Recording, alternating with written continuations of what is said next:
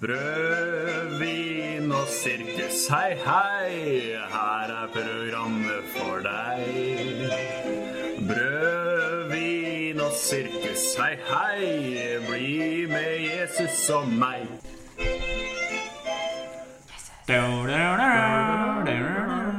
Hei og velkommen til eh, Brød, vin og sirkus. En podkast for de fleste NF-studenter, av noen NF-studenter. Um, vi er tilbake fra sommerferie, og vi har tenkt å ha en episode som kanskje blir hetende siden sist, eller noe sånt. Ja, vi har vel innsett at det er såpass mye at uh, hvis vi skulle hatt et annet tema, så Ja, så ville vi bare snakke om hva som hadde skjedd siden sist. Ja. Eventuelt hadde vi holdt på i tre timer. Ja. Uh, vi prøvde jo faktisk å gjøre det samme i fjor. Uh, da tenkte du at med samme plan, men eh, da gjorde vi det jo som en del av et vorspiel. Eh, og det ble jo veldig mye vas. veldig mye vas. Eh, men i dag er det ikke vorspiel fordi eh, Mor Jakob skulle spille kamp eh, Ja. før festen. Så vi hadde ønske om å ha det som vorspiel, men det gikk ikke. Så i dag er det da Mor Jakob du er med. Ja, god dag. Ja, og frøken Krenka. Hei, hei. Kan jeg skyte inn at vi sitter på styrerommet på MF? Ja. Ja, Her er de viktigste beslutningene og tankene De viktigste beslutningene tas, og de viktigste tankene tenkes. Det er veldig få som har vært i styrerommet på MF. Så vil noen av dere beskrive hvordan styrerommet på MF er? Det er eh, stort, men trangt likevel. Fordi at det er et ganske stort bord. Og så er det sykt eh, lite space mellom stolene. Så det, det å ha én person, eller én stol mellom hver person, det blir for mye. Men det å ha en person rett ved siden av seg, det blir altfor tight. Så eh, Det er veldig- Det er veldig god plass rundt bordet. Ja. Ja. Så rommet er stort. Ja. Litt stort til tre personer, kanskje. Kanskje litt stort. Men Kanskje. fint. Eh, jeg har i dag skrevet mye mindre manus. Jeg har forberedt meg dårligere enn eh, vanlig, så i dag fikk jo dere lov å ha deres egen hilsen. Jeg har ikke skrevet inn noen hilsen når jeg presenterte dere, så vi får se hvordan det slår ut. Uh, er noe annet jeg vil si før vi kjører på med hva som har skjedd siden sist med, med oss? Nei. Det er bare det er gøy og gøy Velkommen til nye lyttere, da. Ja, vi satser jo på det. Ja. Skal vi alltid begynne å ønske velkommen til Nei, men ny. Nytt semester, nye lyttere, nye studenter på denne skolen. Velkommen til deg som hører på oss for første gang. Du var jo med i fadderuka, var det gøy? Jeg var så sykt med i fadderuka. Du var med i fadderuka. Jeg sier velkommen til alle, forresten. Men nå går vi rett i fadderuka. Ja, For dette er jo noe som har skjedd siden sist, og frøken Krenka er i gang. Ja eh, da begynner jeg med det som skjedde sist siden sist. Eh, og det var i fadderuken. Så var jeg da fadder. Gjorde min siste duty som, eh, som fadder her, da. Jeg har vært det nesten hvert år. Ehm, og eh, høydepunktet for min del, det var nok når jeg eh, ble båret inn eh, på lavvo. Eh, så ble jeg båret inn av to stykker som jeg var fadder for i fjor. Eh, på en slags Eller jeg hadde på meg en ganske sånn gullkjole. Eh, så det var litt sånn båret inn på gullstol, da, egentlig, for å være programleder på Melodi Grand Prix-kveld på lavvo. Um, og det var ikke, ikke min idé, faktisk. Det kunne kanskje virke litt sånn. Men det var, det overrasker meg å høre at det ikke var din idé. ja, for du var der. Jeg var der. Jeg syns det var litt flaut at du var der. Skulle gjerne hatt det øyeblikket uten ja, Av og til så når du står i en sånn mengde, så, så er det på en måte ikke så veldig mye positive vibes jeg får fra, fra deg når jeg skal kødde litt. Og da jeg følte litt at det Jeg, må- jeg kunne ikke se på deg, for jeg ble så flau. Mm. Men eh, det var Jeg tror det er riktig det å ikke se på meg. Ja. ehm, det tror jeg òg. Men det var utrolig artig. Mm. Ja, for det var jo ikke så mange folk der. Nei, det var det ikke det. Men det var et privat arrangement, da. Og de som var der, tror jeg hadde det veldig gøy. Ja, men, men uh, vi hadde jo ikke så god tid. Og så begynte programmet litt tidlig, så det kom jo en del flere folk uh, etter hvert. Ja. Men du var ganske tidlig i programmet når du ble båret inn. Så da var det en del som fortsatt var på vorspiel, eller var, på vei fra ja. vorspiel. Eh, så det skulle jo vært litt flere folk der. Gjerne. Men det var jo da uh, Det var jo til den Eurovision-åpningsmusikken, ja. så folk skjønte jo på en måte at nå De som var der, skjønte at nå, nå skjer det.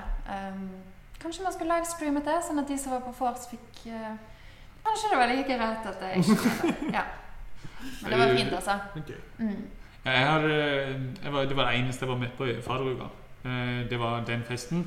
Eh, Mitt høydepunkt var eh, når den kødden Mathias Steinrud var oppe på på scenen og sang, fordi folk bidro med innslag og sang de Ja, det var. Var det lipsynk? Ja, det var det, men de hadde mikrofon med lyd på òg. Begge deler. Altså både lipsynk og eh, Karaoke. Ja. Ja, eh, og jeg filma han hele tida mens han var oppe på scenen, og det gjorde han utrolig ukomfortabel Ja. at jeg filma han. Hva var det han uh, leverte? Eh, Det var den her um, Det var en Melodi Grand Prix junior uh, Ja, men jeg sang. husker ikke hvilken Bestevenner, ja.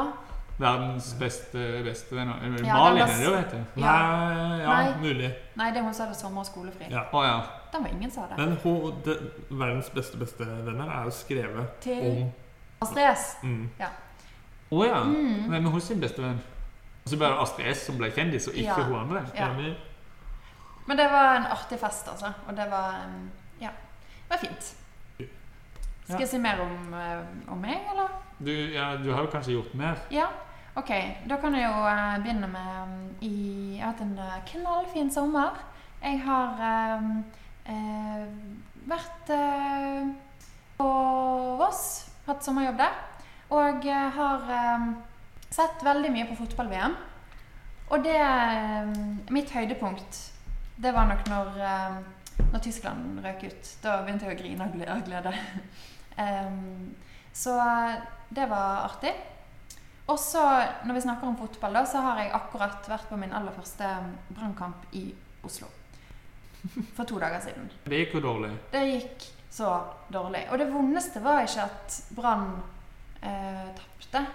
Det vondeste var jo at Rosenborg vant to eller en time før. Um, ja.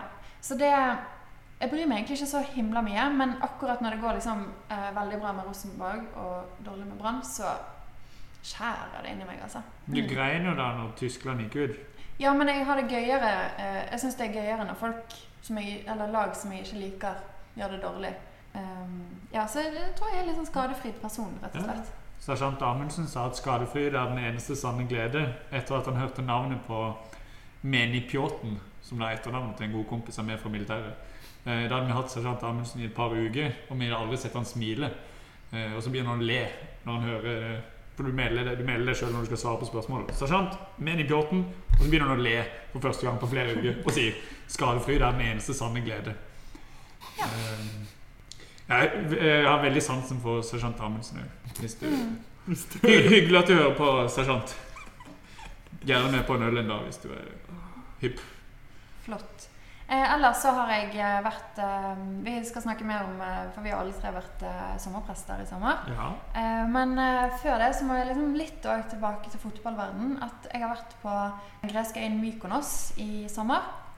Feriert der med mine foreldre. Hei, mamma og pappa. Var det noe russ der? Det var ikke, altså det er ikke russ på Mykonos. Mykonos er eh, Rikt. Det er ganske eh, Det er ganske dyrt der, uten å liksom virke diva her. Men eh, ja. Ehm, så det er veldig få nordmenn. Men det det derimot er, masse franskmenn og italienere. Eh, og så var det en eh, situasjon da, der vi hadde tatt en badebåt, badebåt ut til en eh, øy. Nei, ut til En badebåt. Ja. Det er sånn man gjør når man er på tur i En båt som du tar ut for å bade, ikke en eh, ikke badelekebåt. Ja. Nei, nei. Nei, Eh, altså Gud forbi. badelekebåter. Ja, det skal vi snakke om siden. Eller Hæ? Ja. Ok. Bare vent. Eh, I hvert fall så sitter vi da på en restaurant på denne stranden som vi da hadde tatt den badebåten ut til, Ja. eh, og spiser lunsj.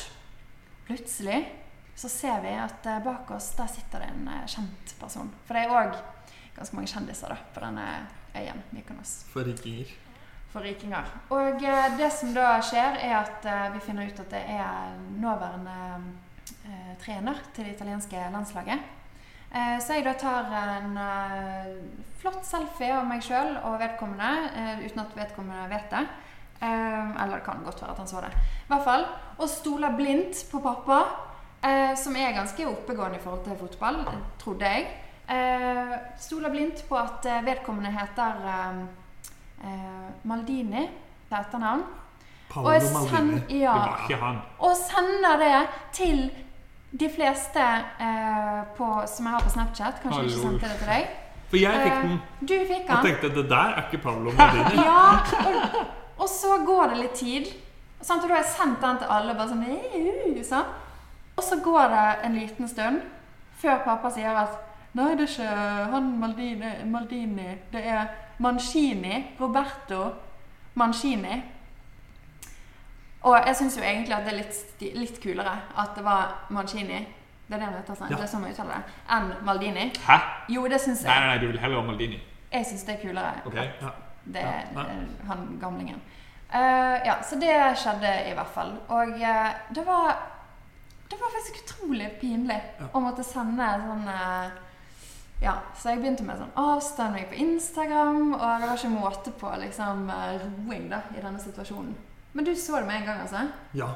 For man kjenner Maldini er en av de kjekkeste Ja, fotballspillerne. Ja, det, ja, for der har du et kjempeproblem, fordi veldig mange vet hvordan han ser ut. Og han er, som sagt, Han ja, er dritkjekk. han er dritkjekk. Fortsatt. Mm. Jeg er ikke så Men gammel, bare litt jeg, Han blir kjempegod i tennis. Han spiller proff tennis. Ja, han ser jo ut som en tennisspiller. Eh, men selv jeg kjente jo igjen eh, at denne personen har sett før på TV i forhold til fotball. Så jeg stolte jo på at ja, ja. Men Mancini er også stort, da. Det er det. Og hør på navnet, da. Altså det, det minner jo litt om hverandre. Okay. Ok. Relativt likt, men man vet hvem ah, du, Ja. ja. Mm. du sto i skammen. Jeg sto i skammen. Har du mer skam å by på? Ikke akkurat nå. Så vi kan gå videre til, eh, til eh, hva andre har gjort siden ja, sist. jeg har litt eh, jeg, Når vi er inne på forvekslinger, da, så har jeg en sånn forvekslingshistorie òg. For jeg har hatt bursdag siden sist. Gratulerer med overstått. Takk. Gratulerer. takk Ble 25 år. Uh, Ikke mer, nei? Nei, ikke mer. Nei, Velkommen. takk. Ikke 35, men 25. Fått det spørsmålet. Ja, men uh, Så jeg har bursdag. Uh, men får ikke vært hjemme med mamma og pappa, så jeg får ikke sett dem. Eh, men de har en gave til meg. Så de kommer Jeg var vikar i Åndalsnes, så de kommer opp og liksom Nei, vi kunne ikke ta med den gaven fordi den er så skjør. Og, så jeg var veldig sånn spent på den gaven. Så etter litt press så sier de liksom Ja, nei, vi fant et bilde av Martin Luther i en sånn shabby chic gavebutikk i Halden. Eh, som de tenkte var fint. Eh, Så det og tenkte på deg? Liksom. ja, De tenkte ah, det hadde vært gøy for han å ha et bilde av meg. Jeg vet ikke hvor mye det bildet kosta, men det, det var den eneste gaven jeg fikk. Eh, så kommer jeg da til slutt ja, for ikke så lenge siden tilbake til Halden for endelig liksom se dette bildet av Martin Luther. Det er ikke Martin Luther. Det er, da, det er en fyr med sånn slapp afro og, og en sånn hatt. Han ser mer ut som en katolikk, for han har sånn røkelsegreie ved siden av. og sånn Er det Black Luther, liksom? Nei, og det er piks jeg, skal få lagt det ut, så jeg, det henger på rommet mitt nå, da. Men eh, det er vet du hvem det er? kan ikke være Martin Luther. Jeg driver og googla sånn young Martin Luther. Han er altfor ung. Altfor mye hår. For Martin Luther hadde lite hår. Det har han ikke. Han har ikke afro. Nei, Nei så det er eh, Jeg får få lagt ut det bildet. Ja. Men eh, ellers i sommer Jeg har jo vært delegat. Delegat. Det er stort i Luthersk verdensforbund. eh, Som Frikirkens representant i Genéve. Ja, så det var skikkelig stas. Eh, Det er en organisasjon som både Frikirken og Norske kirke er med i. Og som er liksom lillebror til Kirkens verdensråd. Ah, ja. Men, eh, men veldig, veldig overraskende god stemning. Da var det jo, Vi var 40 representanter fra alle medlemslandene. 40 totalt? Ja. Men det var få. Da var det stort å være der, ja. Så det var jo biskoper og ja, Jeg var ungdomsdelegat, da, så vi var en liten gjeng som var ungdomsdelegater. Så det var skikkelig spennende. Men eh, vi hadde jo sånne møter hvor vi stemte over ting, og mye sånn uttalelser og resolusjoner og sånn. Og det ble ikke stemt mot en eneste gang. Oh, ja. Er det fordi det, det går så vagt til verks? Liksom at alle bare er enige? Sånn. Nei, for det var Jesus veldig sånn. Nei, det, var- det var snakka om Trump, om teologi, om kvinners plass i kirkene. Men det var et ekkokammer, liksom? Eller? Ja, det var liksom Ja. Det var ingen røde lapper der, altså. Afrika stemte grønt, de. Men fikk du lyst til å bare reise rød lapp av og til? Sånn som på allmøte på MF, bare for å gjøre Ja, jeg fikk litt, litt lyst Ja. til å være Mm. Nei, jeg tror ikke det. Men eh, veldig artig. Så jeg er valgt for sju år. Så jeg skal jo holde på. Så neste sommer skal jeg til Uganda. Ja, for det er samling hvert år. Ja. Men det er veldig morsomt, fordi jeg trodde jo at Frikirken var et lite eh, luthersk kirkesamfunn. Men det er det ikke. Fordi det er jo egentlig bare ja, den svenske og danske og norske kirker er det eneste som er veldig, veldig store. Å, ja. I Tyskland er det på en måte flere lutherske kirker, og så resten er jo ganske små. Da. Så liksom. Mm. Og møter representanter fra lutherske kirken i Argentina, hvor de er liksom 13 000 medlemmer. ja. Ja. Så det, for de var jo det veldig stas, og, og betyr den organisasjonen veldig mye. da Men hvor var det der var, sa du? I Genéve. Ja. Så, eh, så jeg vil reklamere for eh, Luthersk verdensforbund. De gjør eh, mye, mye bra. Og er overraskende progressiv da, til å Har du et eksempel på de som er bra? Ja, de driver med hjelpearbeid for flyktninger i Hellas. Har altså et eget sykehus i eh, ja, den palestinske delen av Jerusalem. Eh, mye sånt. I tillegg til at de, de driver Ja, publiserer mye teologiske Ja, jeg tror på at det er bra. Mm. Ja. Høres det ut mm. Luthersk eh, verdensforbund, var det?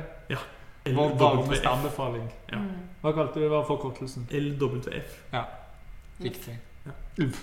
Og så sitter jeg sitter i kommunikasjonskomiteen.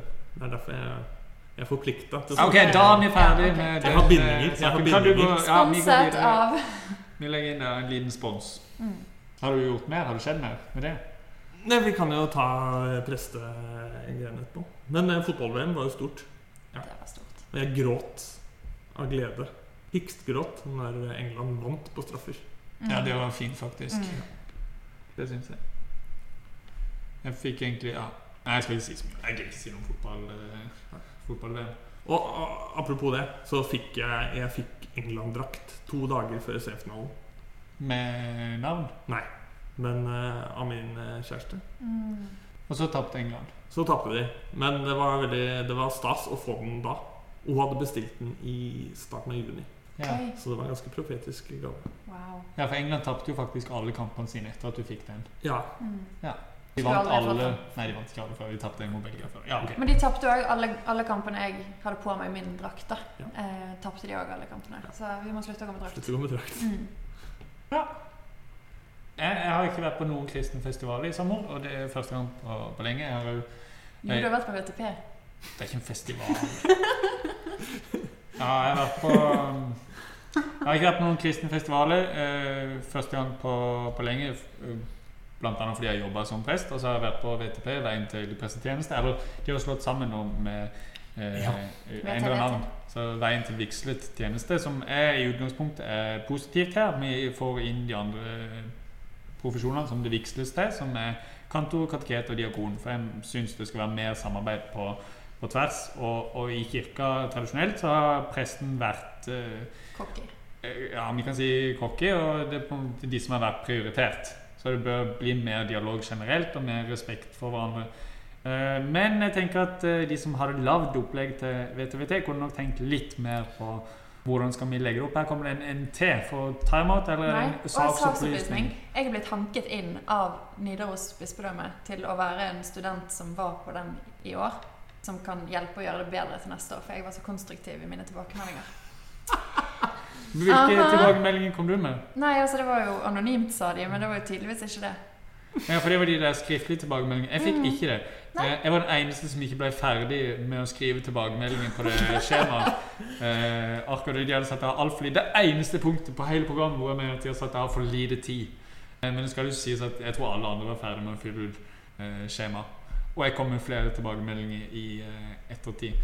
Men eh, det er jo obligatorisk for, eh, for oss som skal bli vigsler. Vi blir jo kjent med i hvert fall litt med biskopene, men jeg bare syns opplegget er for løst. At eh, det er for lite plan når vi er der. Jeg skjønner ikke helt hva de vil oppnå med å ha oss der. Og det kunne godt være frivillig, men obligatorisk at jeg skal bruke sommerferien min på å være der og bare se på ulike menigheter og kirker, som jeg gjør mye på fritida mi generelt.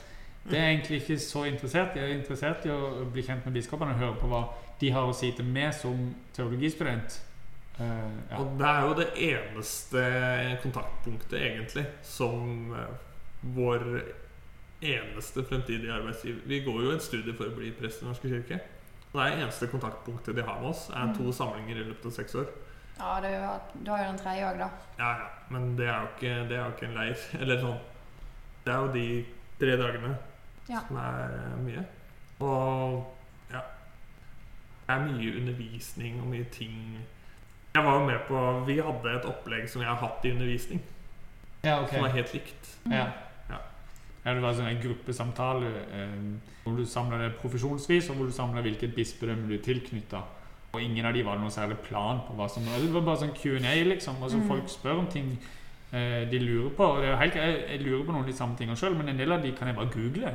Mm. Og jeg trenger ikke bruke den tida hvor jeg kan bli kjent med biskopene og på en måte forstå hva, hvilke forventninger de har til meg. Så trenger ikke jeg ja. Så jeg har irritert meg ganske mye uh, underveis. Men også en innvending. Hvor kronglete må en forkortelse være før man tenker at vi finner på et annet navn? VTVT. VTVT? Men de sa så mye feil De sa så mye feil på det i Ja. starten. Og hele veien, egentlig. Fordi VTP, det sitter jo Det er noen sånne forkortelser. Men forkortelser er jo eh, ikke diskriminerende, men det er det er, det er ikke så åpent, da. Eller sånn eh, Hvor er det Sånn generelt, du tenker noen ekskluderende Hvis Ja, ikke du vet hva alle disse ja. kristne forkortelsene er, så er det Ja. vanskelig å henge med på. Så jeg det- er mot forkortelser. Det er noen som forkortelser som har litt sånn kraft i seg. Sånn FRP! Mm. Det er jo mye bedre enn den Majorstua pluss Gud. Ja. Men Gud, på, i Majorstua pluss så har de òg supermesse, og det prøvde de å forkorte til SOM. Serr? Eh, nei, eller det var studentprestene som foreslo det, og så var det sånn eh, Nei, tror ikke det. Så det kan, Men jeg tenker det var kjempegøy, da. Invitere folk på det, se hvem som har dukket opp. Ja, Det burde de faktisk gjøre en gang for Mhm. gøy. Mhm. SM og gratis ja. Det Kom og varm deg. gris, grisete ut. Mm. Um, ja, men jeg fikk jo òg snakka litt med, med biskopene, for det er jo satt av en samtale med, med biskopene. Og jeg har jo vært litt sur på biskopene pga. hvordan de har snakka om ordinasjon og Ja, for du meldte jo vel i siste episode at du skulle møte dem. Ja, det gjorde jeg jo. Eh, men eh, min biskop, der, som er Herborg, eh, hun var jo ikke med på den uttalelsen som jeg på en måte har kritisert. Så det er litt sånn Jeg kan ikke komme og være dritsur på henne, for hun er på en måte uten skyld Mm. i dette spørsmålet her. Men jeg fortalte jo på en måte hvorfor jeg syns dette her er piss, det de har holdt på med. At de bare er mediestrategi og ikke handler om å være ærlig. Um, og hun viste, eller jeg fikk inntrykk av at hun hadde forståelse for det og sa at hun skulle ta det videre. Og jeg tok kontakt med Ann Helen eh, Hva heter hun? Justnes eh, Ikke just da. Ja, det er i hvert fall eh, hun som er biskop i ja. eh, Sør-Hålogaland. Ja. Eh, og fortalte, og hun, hun er jo ikke helt uten uh, skyld i Nei. dette spørsmålet her. Og fortalte hvorfor jeg syns det var piss da òg. Mm. Eh, og hun virka jo som at hun Forstår du? Hun virka ja, ja. Jeg tror hun òg kommer til å følge opp, så jeg tror de kommer til å ta tak i det. Og jeg tror den 95-uttalelsen om at liksom det er uforenlig å være samboer hvis du skal jobbe i kirka, den tror jeg kommer til å bli justert. Men så får vi se hvor lang, hvor lang tid det tar. For det er jo ikke prosesser som går fort Nei. vanligvis. Men jeg tror det er noen i biskopkollegiet da som ikke er helt fornøyd med det. Og jeg syns fortsatt den behandlingen jeg fikk i mail fra generalsekretæren til bispemøtet, var dritdårlig. Ble de famøse ordene 'tall og tall, fru Blom' eh, gjentatt? Nei, nei, nei, jeg, nei, jeg tørte ikke det. Du konfronterte ikke med det. Nei, nei, nei. nei, nei. Uff, det var så kleint. Ja. Det hadde vært gøy om du sa til hun Tall og tall, fru Blom. Fru Blom. Uttalelse, uttalelse, fru Blom. Uttalelse, uttalelse. Men hun var jo som sagt uskyldig. Dette er jo en, eh, noe hun sa i debatten på NRK. De er jo veldig fine folk. Og de er jo sterke personligheter som skal være enig. Så det må jo være, det må jo være utfordrende å være biskop. Det de òg er, er en gjeng som er ekstremt glad i sin egen stemme. Ja. De tar så mye plass, som generelt biskoper. Og, så skal, og alle skal være standup-komikere hele tida. Fordi, fordi de er vant til å komme inn i rommet, og alle vil høre på det. Så når du samler mange av de da, og har opplegg, så vil alle sammen vil komme med sånne anekdoter og kommentarer. og Det syns jeg er sjukt drit, at de tar så mye plass, og det, det er så mye stopp. Fordi jeg skal bare komme med en ting. Ja. En ting er når du har én av dem, men når du ja, så kan du tone deg litt ned, Mm. gjengen. Ja, det var, Jeg har ikke noe mer å si om VTP. Men har du gjort noe annet? Jeg har gjort noe annet. Jeg har, eh, det var litt før sommeren. Jeg har vært i, arrangert utviklingslag for eh, Mathias eh, Stensrud. Det er ikke han som er den kødden, eh, men han som jeg har bodd sammen med i fire år. Eh, det var fint, og så har han gifta seg da, og da var hun forlover. Eh, og Stort. han gifta seg i Bekkelaget kirke for et par uker siden. Eh, jeg begynte å grine eh, flere ganger under vielsen, selv om det var en pinsepastor som via de.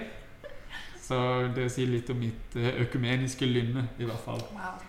Eh, jeg har vært i Mandal når jeg ikke har jobba. Da har jeg vært med venner, familie, det har vært festival, spilt volleyball og drikke øl. Stort sett. Og jeg har eh, Jeg husker ikke helt når det var, men jeg bæsja litt på meg. Eh, jeg vet ikke om jeg har sagt det før. Jeg har fortalt når jeg bæsja på meg i Mosambik. Nei. Du har fortalt en uh, våt drømmehistorie, Ja. men ikke nå Har jeg fortalt om det her? Nei? Våtdrømhistorie på Ja. ja. Dobbelt bløtt laken. Ja, det stemmer. Ok, men jeg- I Mosebik så bæsja jeg på meg en gang. Ok. Eh, men eh, Men har det skjedd siden sist? Ja, det har skjedd siden sist. Jeg bæsja på meg på nytt. Oh, ja. Men bare veldig lite. Ja. Eh, men jeg husker ikke helt når det var. Jeg hadde bare skrevet opp i notatene mine. Bæsja på meg. Eh, på, der, jeg har en liste hvor det står 'siden sist'. Så, så jeg husker ikke helt når. Var det okay, men var det i bryllupet? Nei, det var ikke i bryllupet. Det var ikke sånn at du mistet kontroll over alle Nei, nei, det var, jeg tror jeg bare skulle fise litt og så bæsja litt. Ja. Eh, men det var jo mm, Jeg husker ikke når det var. Det var i sommer, da. Kult. Kult vet jeg ikke om det, men uh, det bryr bryter i hvert fall ned stigma. Uh, Takk for at du deler. Som, eh, Har du hørt uh, kollektivsangen 'Skulle bare fise', men det var beis i min fis? Ja, men den eh, har jeg ikke sett så mange ganger. Men andre sanger de har jeg sett mange ganger. Eh, 'Hvorfor har du på deg hatt'? Ja. Den har jeg sett mange ganger. Livsnært. Kanskje jeg skal kikke litt mer på det. Jeg kan anbefale kollektivet generelt med Begynner å få litt sånn kultstatus nå. kollektivet. Ja. Å ja. Jeg kjenner ikke så Ok. Um, altså, kan, jeg har ikke noe mer å si, bortsett fra at jeg, jeg har vært på jobb da, som, som prest. Og det har jo dere òg, så vi kan snakke om det. Hvem vil begynne? Jeg begynner. Ok. Uh, jeg har uh, vært i uh, Verdal, eller Stiklestad prosti. Så det vil si jeg har vært i Verdal, Verdalen og eh, Levanger, eh, som ligger rett ved siden av hverandre. Eh, jeg jobba ganske mye når jeg var der. Jeg kjente ikke så mange fra før eh, når jeg var der. Men, og det første gang jeg var prest, så det var mye å sette seg inn i fordi du gjør alt for første gang. når det er begravelse og gudstjeneste. Du har vært i praksis, men det er noe helt annet. Og du er alene og har ansvar for det. Så jeg fikk en myk start og fikk være med prosten eller veileder da, og, og fikk prøve litt på noen oppgaver. Og så, og så gjorde jeg ting sjøl. Og alt i alt så syns jeg det var eh, fint. Ja. Og nyttig. For da ser du mer på hva er det denne jobben faktisk vil innebære. Eh, Så stort sett begravelse og gudstjeneste jeg brukte tid på. Eh, Fem begravelser og mm, tre dåp, deriblant en eh, drop-in-dåp. Oi. Oi. Så har dere hatt drop-in-dåp, eller? Ikke hatt drop-in-dåp. Der har du et bra navn. Drop-in-dopp. Det klinger bra. Hvordan foregår en drop in drop? Eh, Er det drive-through? Det er sånn jeg tenker på det. Nei, vi hadde ikke drive-through. Men de måtte inn i kirka, faktisk. Eh, så det, da hadde vi sagt og annonsert at eh, nå er kirka åpen i tre timer, Stiklestad, eh, så da kan dere komme, og så kan dere bli døpt. Men de må ha med noen papirer, så må du fylle ut noen papirer, så er det korte ritualer som er dåpsritualet. Så du har, du har, ja, det er en salme, og det er egentlig basically bare en salme og dåpsliturgien, som en- vanligvis inngår i eh, vanlig gudstjeneste. Så det var Nei, det var hyggelig. Det var, tre, det var fire dåp-in-dåp, faktisk, den dagen. Så vi måtte bare liksom gå sånn slag i slag, for vi var to prester som var der. Det var Men hva folk er det som tar en drop-in-dåp? eh, Det tror jeg er to typer folk, basert på den ene gangen jeg var med på drop in drop. Mhm. Eh, Den ene det er de som ikke er døpt som eh, barn, men som skal eh, konfirmere seg. For det må du, du må bli døpt. Og så er det ikke sikkert du har lyst til å gjøre det i høymessa, fordi det er mye mer styr. Så Mhm. kan du få et eget ritual. Og så er det de som ikke døpte når de var små pga. familieomstendigheter. Som, som på en måte, hvis det er utenlandsk familie, Ja. så vet de kanskje ikke helt hvordan de skal gjøre det. Eller familien har ikke mulighet til å komme i dåp når de er veldig små. Så gjør du det kanskje når de fortsatt er små, men ikke så små. Mm. Ja. Eh, Så eh, ut fra min erfaring så er 100 det er de to ulike situasjonene Ja. som gjør at du min erfaring er som, ja, ganske snever, da, som forhåpentligvis Man får bare se for meg sånn den drive-true-greien. sant? Ja. At bare sånn åh, hadde det ikke vært eh, digg med en burger, da? Hadde det ikke vært digg med en dåp, da? Ja, ok, der er en kirke. Vi bare Ja, du sikrer deg vel evig liv og frelse. Ja. Så det er jo eh, ganske Han er folk higer etter det? Ja, Happy meal, det. Ja, det var ikke kombinert med nattverd. Kan jeg jo si det. Men du var på Stiklestad, var bestikkelsesdag. og det var en søndag som var Olavs uh, Olsok. Ja, Olsok. Det var siste, siste dagen jeg var der oppe. Siste dagen jeg jobba.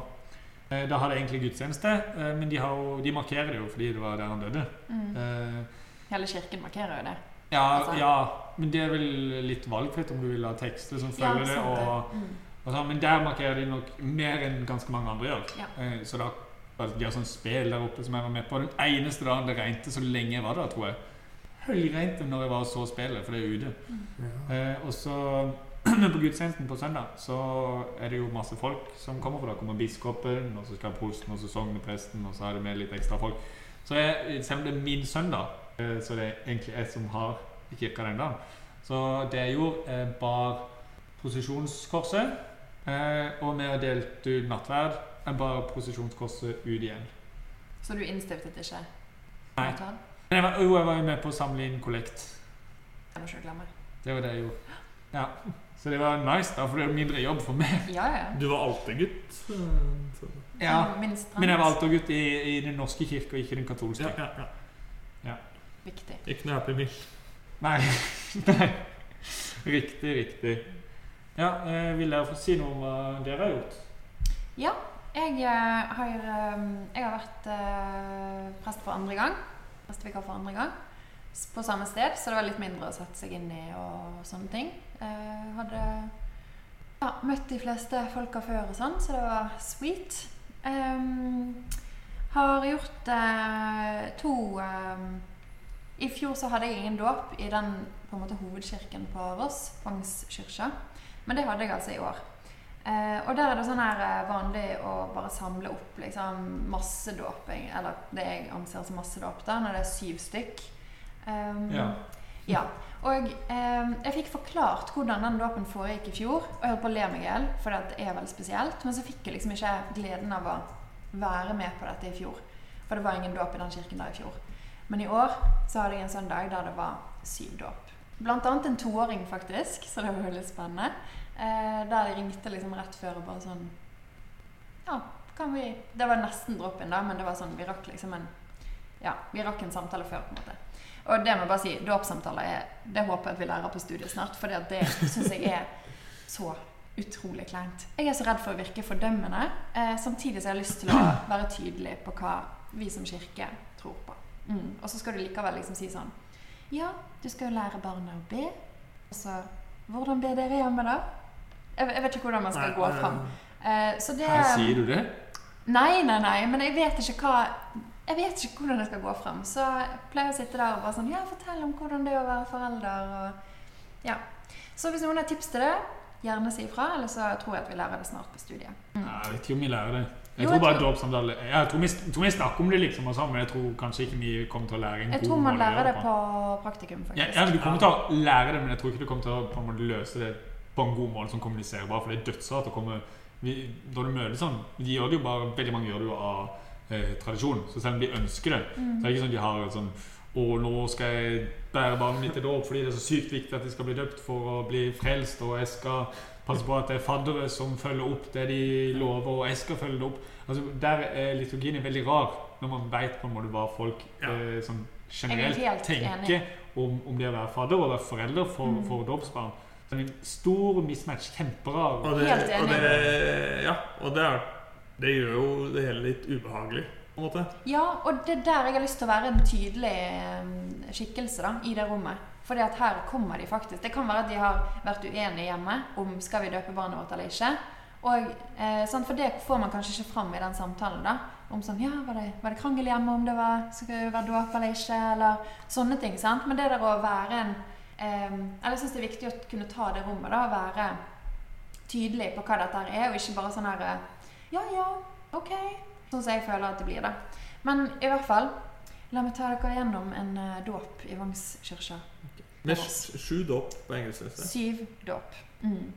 Og det som skjer da, er at uh, før gudstjenesten så uh, kommer alle dåpsbarna med, med sine ja, mor, da, som ofte de trenger, på en måte. Eller noen andre som skal bære de, på en måte.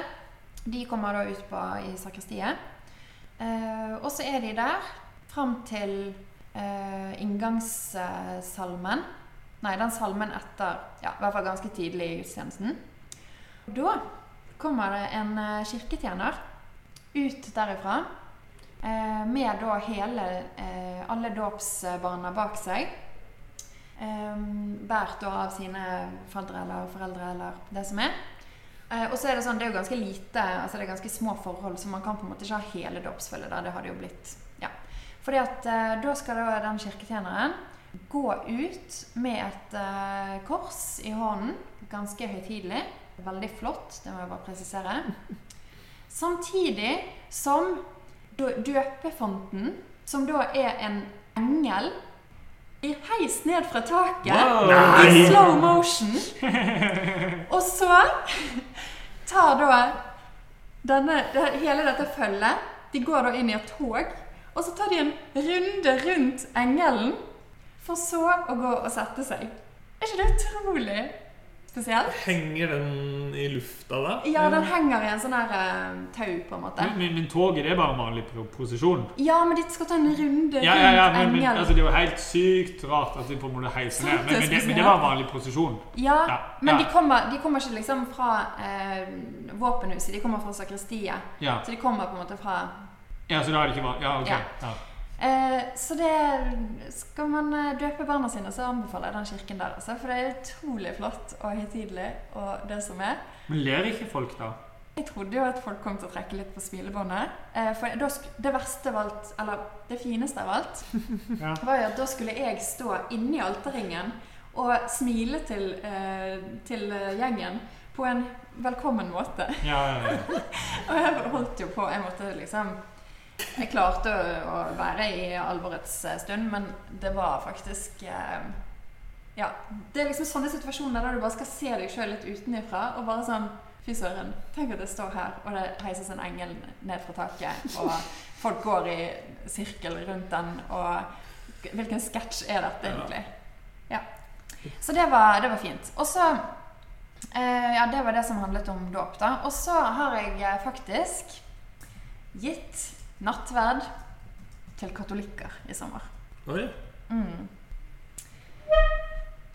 Vil dere høre om hvordan det skjedde, eller? Ja. ja. Lurte du det? Jeg tror kanskje jeg har gjort det sjøl. Om jeg lurte de? Ja. Um, Tingen var at jeg snakket norsk, sant?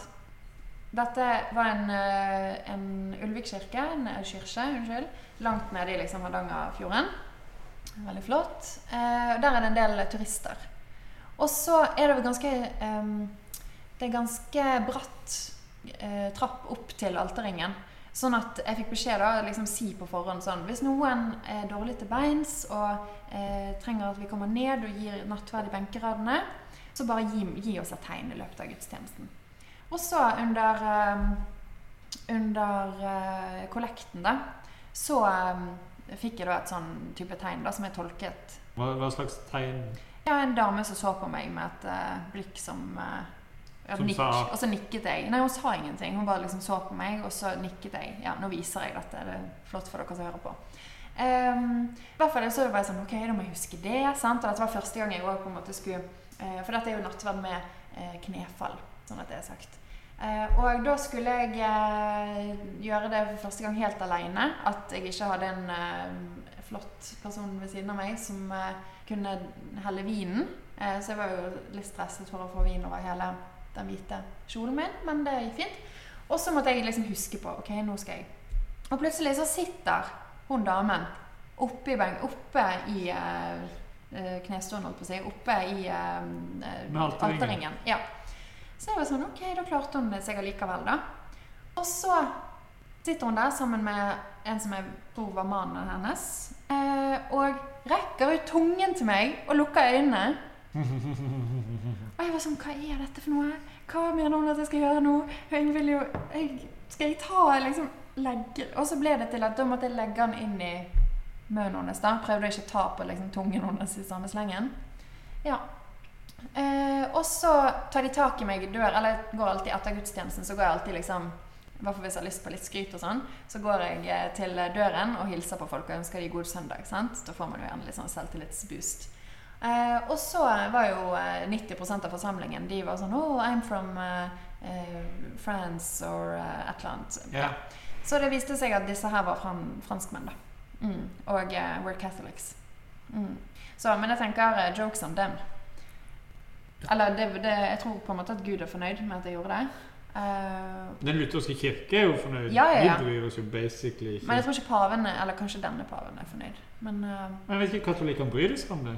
For de, Ja. de vil vel egentlig ikke ha vår nattverd? Nei, de de anerkjenner jo ikke den. Men øh, øh, Ja. Så det har jeg i hvert fall gjort. Eh, For jeg også Jeg hadde første gudstjenesten hvor jeg skulle bli presentert. Så var jeg med og skulle dele ut eh, nattverd. mm. Da sto jeg med kalken, og da var det var det indiksjon. Dypping. Intinksjon. Intinksjon. Irriterende. Og det er også De der klokkerne sa liksom Så er det nattverd, intinksjon. Hvem vet hva det er? Ja, men det, så var det det. Og så og Da kommer det en fram som tar hendene på ryggen og kneler. Ja. Og blir liksom mata først. Og så kommer han til meg. Eh, og liksom bare Ja, og tar hendene på ryggen og kneler, og så Skal du helle vin i munnen på han? Nettopp. Og jeg har ikke noe Jeg har ikke noe sånn Jeg er jo ikke klar For hvis man heller oppi eller sånn, så har man jo gjerne en sånn duk eller sånn at det ikke blir så grisete. Ja, ja. Vi suger jo til helle fra Ja, så, ble, så jeg blir stående litt sånn Så han liksom ser opp på meg litt sånn surt, da. Fordi det kommer jo ikke noe Kommer jo ikke noe vind. Nei, så bare så Få helt i han med greier, da. Hei, gjorde du det? Ja, jeg måtte jo det. Han var jo helt hjelpeløs. Men traff du munnen på han da? Jo, men når du liksom kneler, tar hendene på ryggen og bare Ja, du fratar deg sjøl litt lamma. Ja. Ja, ja, men Sølte du på han i ansiktet og I- kroppen og Det rant jo litt på sjakkene, det gjorde det sikkert. Men Men eh, da ble han sikkert misfornøyd. Eller grunnen til at de ikke vil ha det i hånden, er for at da kan folk stjele Jesus. Sant? For de tror jo at Jesus er stjele Jesus? Ja, eller de stjeler liksom legeme. Brødet, for eksempel. Sant? Du får det i hånden. Hvem skal stjele det? Vet ikke jeg, andre katolikker, for eksempel. Lutheranere. ja, for. Er du sikker på at de ikke har noe å gjøre det skittent, eller noe sånt? Eh, nei, jeg snakket med Joakim Teigen, som er Ja. katolsk prestestudent. Eh, og han sa at ja, det, men det er vanlig det, at eh, de får det på tungen. Fordi de ikke fordi, skal stjele? Ja, fordi da, da har man kontroll liksom, over hvor det havner. ja. Oh, ja. Og jeg tar det med seg sånn, jeg tar med sjøl? Ja, og liksom ta det fra den som Ja. fikk det. Ja, Men òg sånn at hvis, hvis det liksom smuler ned på Det var en gang jeg skulle gi nattverd, eller gi, eh, være med og gi ut nattverd til Jakob. Ja, så mistet han Jesus på bakken. Det var eh, Jeg mista Jesus på bakken. Jesus var en veldig smuldrete, glutenfritt eh, brød. Som ikke i. Så i, i det sekundet jeg tar den der brødsmula opp mot kaken, så bare smuldrer alt opp. Ned på bakken. Ned på bakken? Liksom. Og da er det tresekundersregelen, da. Tenker jeg. Så jeg forter meg å ta meg opp på dyperen, da. Ja. Ja. Den første gudstjenesten jeg hadde nå, den var utegudstjeneste. Eh, så når jeg tar av denne duken over eh, oblatene, Mm. så er det litt vidd. så det bare flyr sånn ti oblat ut i sida. Men da er ikke det innstiftet, vel? Eh, nei, Nei. men eh, vi sto de etterpå og ordna det på en verdig måte, i hvert fall. Ja, det er bra. Eh, vi må forresten begynne å speede opp snart. Vi bruker alltid altfor lang tid. Ja, ja, vi- Absolutt alt. Men jeg vil legge til eh, fra første dåpen min, eh, så er det Faderen som holder henne. Og når jeg skal vise henne fram, så overtar jeg og holder Jeg holder ikke fram sånn som Simba, men jeg holder henne inntil kroppen. Går litt fram, og så slutter hun å grine når jeg begynner å holde henne. Og grein før. Oh. Og da ler men De lo ikke så høyt som jeg resten Mm. ga uttrykk for nå, men de humra i hvert fall litt. Eh, Og så vil jeg si noen tabber som jeg har gjort. Eh, Alle kom i begravelse. Eh, Jeg ba folk om å reise seg på slutten av begravelsen før siste solonummer. For det var en misforståelse mellom meg og, og solisten. For jeg trodde bare det var én sang. Så jeg har bedt dem om om å reise seg, og jeg går og stiller meg med ryggen mot forsamlinga. Men mot kista så kommer han opp bak meg og hvisker med øret. Det er sant, det. Jeg ba, OK. Ja. Mm. Så da må jo alle sette seg på nytt. Og så sitter vi og så hører vi solonummer, og så sier jeg ja, da kan vi reise oss. Eh, og så ute med grava sier jeg det var ikke samme. Eh, så skal jeg til å takke alle. På vegne av familien så har jeg lyst til å takke alle for at eh, dere møtte opp. Eh, Men det som ikke står i begravelsesboka, som jeg følger ganske slavisk, for å ikke si noe feil, det står ikke at man ringer med klokkene etter Avslutter man med Det er velsignelsen som kommer sist? Mm. Ja, ok, men Da ringer i hvert fall klokkene, men de står ikke i programmet, så jeg prøver liksom På vegne av familien Ring! Altså, ok, nå gir jeg det. Og så eh, siste, siste tabben er eh, Skal ha en begravelse, og så har jeg ikke vært i den kirka før. Eh, og så er det en dør som på en måte står oppe, så, så spør jeg kirketjeneren før jeg skal gå inn. da, på en måte, ok, Er det ikke best om jeg lukker den døra? Eh, når jeg går inn? Men jeg har ikke prøvd å lukke den døra før. Så når jeg går inn, så prøver jeg å lukke den, men du må dra veldig hardt for å få den helt inntil. Så det funker ikke helt. Og så er det en krok der. Så etter å prøve å bare eh, dra den litt til, eh, så får jeg ikke det til. Så prøver jeg å ta kroken, men kroken er ikke lang nok til å feste seg på døra. Så nå har jeg stått her i sikkert 15 sekunder. Første gang jeg kommer liksom inn etter at eh, klokka har begynt å ringe. Uh, og til slutt så bare tenker jeg jeg får bare ikke lukke den døra. For du veit ikke om på en måte døra kommer til å smyge seg opp og sånn Uh, Så jeg måtte bare Nå har jeg stått her så lenge, nå må jeg bare gå. Så må jeg se hva som skjer. Og det gikk bra, for han åpna seg ikke helt. Men, men da har de har bare Folk har jo ikke skjønt liksom Hvorfor står jeg bare der med døra? Og ikke går. Men det var, det var tabbene, da. Ja. Og, og en ting til som skjedde før jeg kom, så var, ble jeg intervjua av lokalavisa. Eh, om eh, om sånn, Ja, jeg liker fotball, håper jeg får sett noe fotball. Eh, og så ringer han eh, og så, Ja, du liker fotball. eh, Ja, jeg liker fotball, håper jeg får sett noe fotball med noen prester. Jeg har hørt noe om det. Men da sender han en som er eh, det, oppmann eller noe sånt, i Verdal IL. Eh, melding til ham bare ah, 'Ser du liker fotball, har du lyst til å være med på trening?' Eh, og jeg, tro, jeg tror først at jeg skal være med og spille.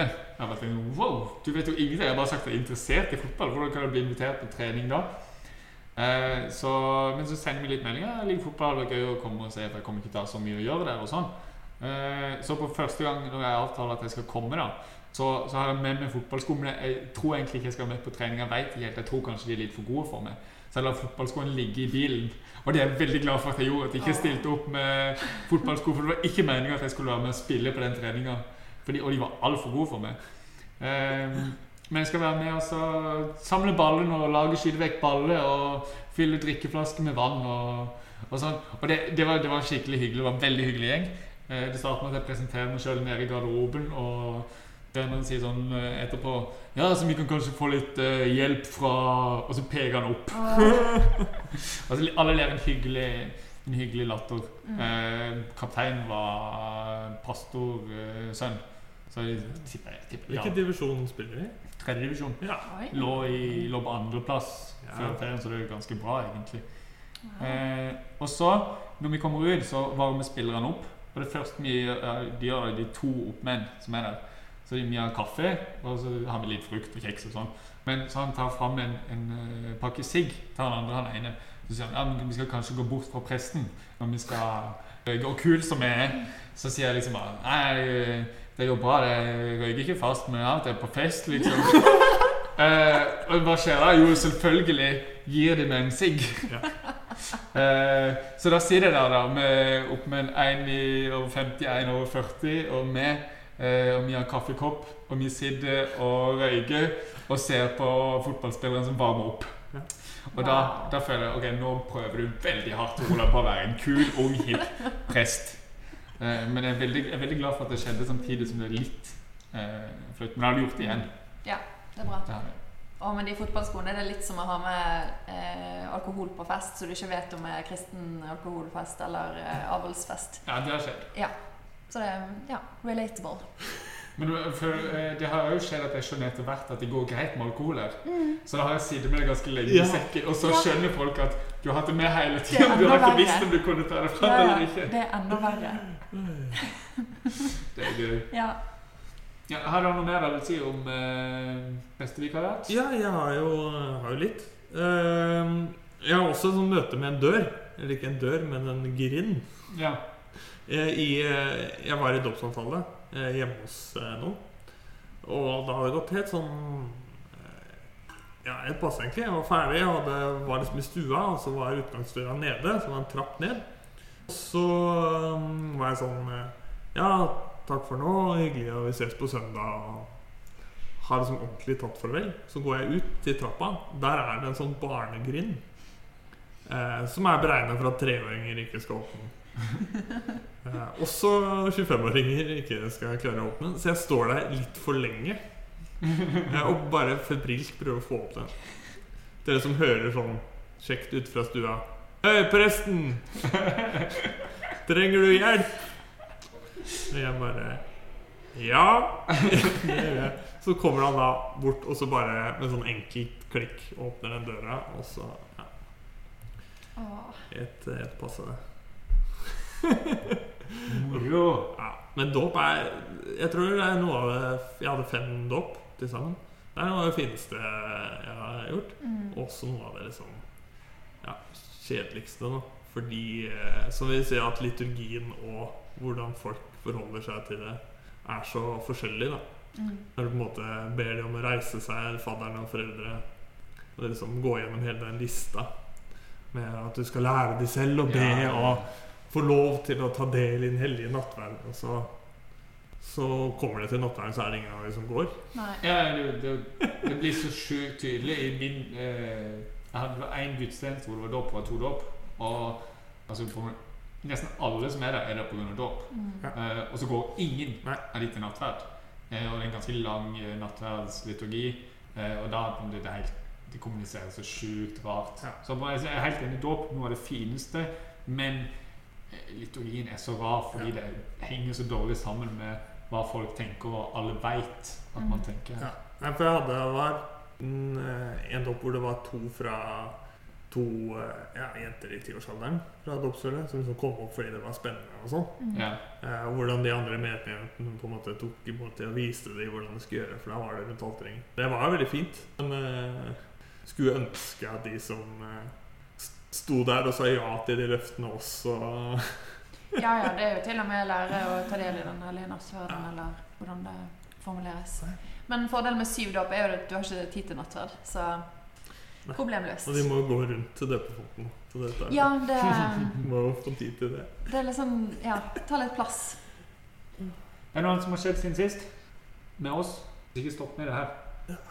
Ja. Sørafepost, sørafepost, sørafepost. Johannes eh, beklager til hedningen og korrigerer seg sjøl og sier det heter faktisk salmetall.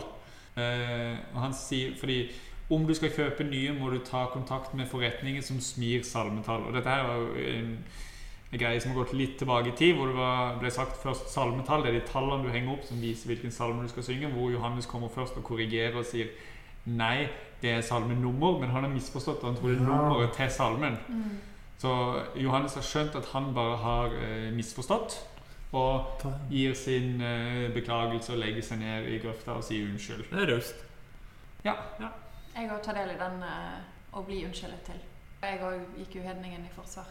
Ja, det er sant. Mm. Ja, jeg, jeg vil tro at Johannes uh, har det med. Mm. Han er en ydmyk og raus fyr. Han er det. Ja. Takk, Johannes. Um, og så har uh, det har blitt påpekt til meg eh, at fra forrige episode så, så snakker vi om eh, sex og samliv. Og så har jeg en lengre eh, monolog inni der hvor jeg i løpet av omtrent ett minutt greier å si på en måte Altså på en måte Ja. og over ti ganger. Eh, og hvis, når du begynner å legge merke til det, så er det helt tullete. Tips fra Karen Didriksen. Eh, og når jeg hørte igjennom, så blir jeg blir bare sånn flau. Og det det jeg prøver jo bare å ta forbehold, for jeg syns det er vanskelig å snakke om. Prøver ikke gå for bombastisk ut, men, men det må jo finnes grenser for hvor mange forbehold og vage formuleringer man skal bruke, fordi det er et, uh, utfordrende tema. Mm. Og så har jeg fått uh, tilbakemelding fra min bror på et par ting. Uh, og det går på et par historier fra, om min bakgrunn. Hvor han var hjemme da når jeg kom Det, det jo historien hvor jeg drita for første gang og blir kjørt hjem. Hvor eh, min bror kan korrigere fordi minnet mitt er litt vekke der og si at eh, Jan Markus, min venn som hadde passet på at jeg ble kjørt hjem, eh, han har gått inn og snakka med mine foreldre før jeg blir sendt inn. For å liksom forberede dem på at nå kommer til Olav, og han er full, vær snill med han. Og det er jo derfor det forklarer jo hvorfor de er der og tar meg imot. Når jeg Ja. prøver å bare snike meg inn på rommet mitt uten at de oppdager meg, Mm. så har han allerede kommet til å varsle liksom Nå kommer Tor Olav, og han er full! Eh, så det kunne han eh, opplyse om, for da var han eh, hjemme. Og så kunne han også opplyse om at jeg trodde jo at jeg hadde fått eh, et eh, sexesel Altså et, et oppblåsbart esel Ja. som sexleketøy til 16-årsdagen min, men Erlend kunne bekrefte at det fikk jeg på folkehøyskolen. På bursdagen min der, fra vennene mine der. Fordi han var òg med på den bursdagen. Og det synes jeg, var, jeg husker jeg synes at det var veldig ubehagelig, for jeg har ikke snakka så mye om eh, sex med min eh, lillebror. Så når jeg får eh, sexlegetøy av vennene mine mens han var der, så husker jeg tenkte sånn Ja, vi har ikke etablert en sånn relasjon hvor vi eh, snakker Nå om, står vi her med et sexesel.